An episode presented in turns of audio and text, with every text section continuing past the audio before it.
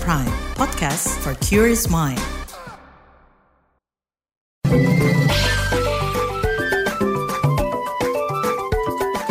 WhatsApp Indonesia.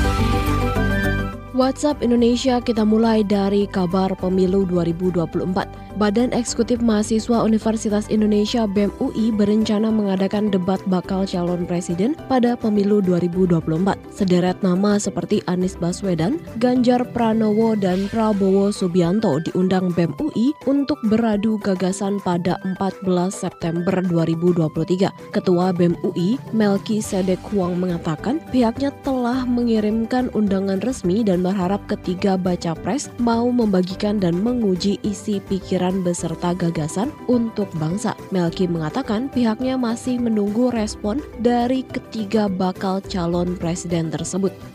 Selanjutnya menuju Cilacap. Demi menekan dampak kemarau panjang 2023, Badan Penanggulangan Bencana Daerah BPBD Cilacap Jawa Tengah menggandeng lembaga filantropi dan sejumlah perusahaan besar Antisipasi dilakukan dengan mengalokasikan 700 tangki bantuan air bersih. Meski begitu, alokasi tangki air masih dirasa kurang sebab kemarau tahun ini datang lebih cepat dan diprediksi berlangsung lebih panjang. Untuk itu, BPBD Cilacap meminta bantuan lembaga filantropi dan sejumlah perusahaan besar untuk turut menyalurkan bantuan air bersih. Hingga saat ini sudah ada 10 lembaga filantropi berbasis keagamaan dan umum yang bekerja sama, sedangkan perusahaan baru ada tiga yang bersedia bergabung.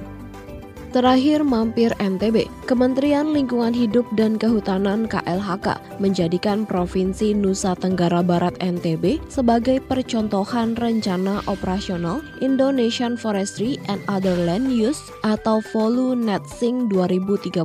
Direktur Jenderal Ditjen Planologi Kehutanan dan Tata Lingkungan KLHK Hanif Faisal Nufori mengatakan NTB memiliki potensi besar mewujudkan agenda nasional tersebut. Kata dia, ini sejalan dengan komitmen NTB untuk menuju net zero emission atau nol emisi karbon di 2050. Volu Net Sink 2030 adalah sebuah aksi mitigasi penurunan emisi gas rumah kaca GRK dari sektor kehutanan dan lahan. Kebijakan ini diklaim sebagai upaya pengurangan pengurangan emisi GRK serta mengendalikan perubahan iklim yang terjadi beserta dampaknya. Demikian WhatsApp Indonesia hari ini.